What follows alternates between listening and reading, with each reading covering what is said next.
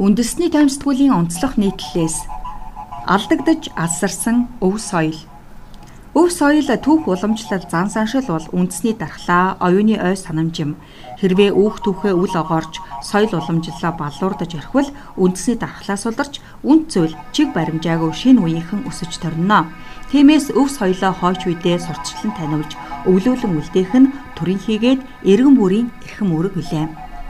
Сүүдэр нүмерсэн он жилүүд 1920-од оноос хойш 20 гаруй жилийн хугацаанд Монголын соёл уламжлал, боловсрал, зан заншил, итгэл үнэмшлийг хар бараа сүдэр нөмөрсөн.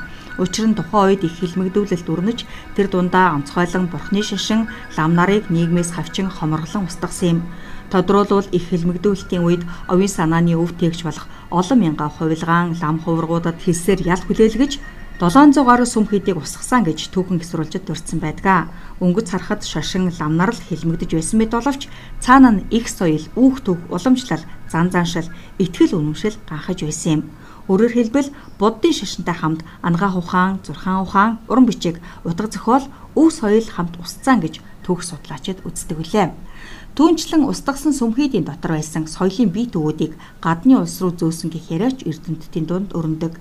Ийхүү бид их соёлоон дарангуйлал хавчлага дунд суйлуулж, зан заншил, уламжлал, итгэл үнэмшлийн хазаарлуулж байсан ард түмэн. Гэхдээ одоо түүхээ сэргээж өв соёлоо өвлүүлэн хөгжүүлэх цаг хэдийн болсон. Нөхөн олгор олгох тухай хууль бидний өв соёлыг сэргэнэ.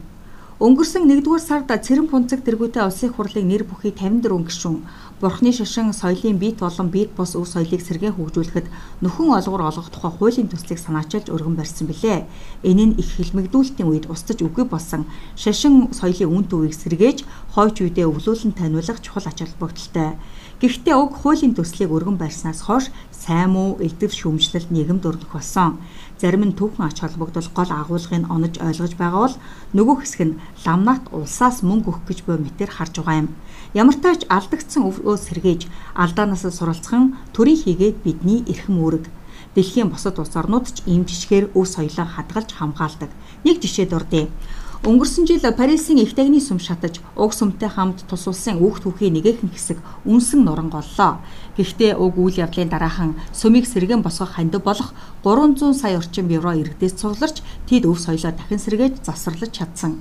Гэтэл бид 700 гаруй сүм хийдэ их хилмигдүүлэлтийн үед үгүй хийчгээд өнөөдрийг хүртэл нэгийг ч сэргэн засварлаж чадаагүй л явна. Сүм хийд гэдэг зөвхөн барилга байшин төдий биш соёлын томоохон өв юм. Үүх түүхээ мэдэхгүй бол ойд төрсэн сарамгчин лугаа адилтгийх ардын хилцэг бий. Бид үүх түүх өв соёлоо мэддэггүй. Мэдээ гэсэн ч үзэж хараад сонирхож сонжих өвгүй хойч үеийг бэлтгэж байна.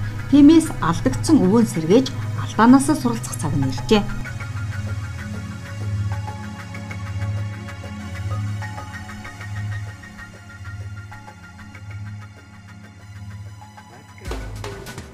итгэж болох экссурулж Игэл радио 91.1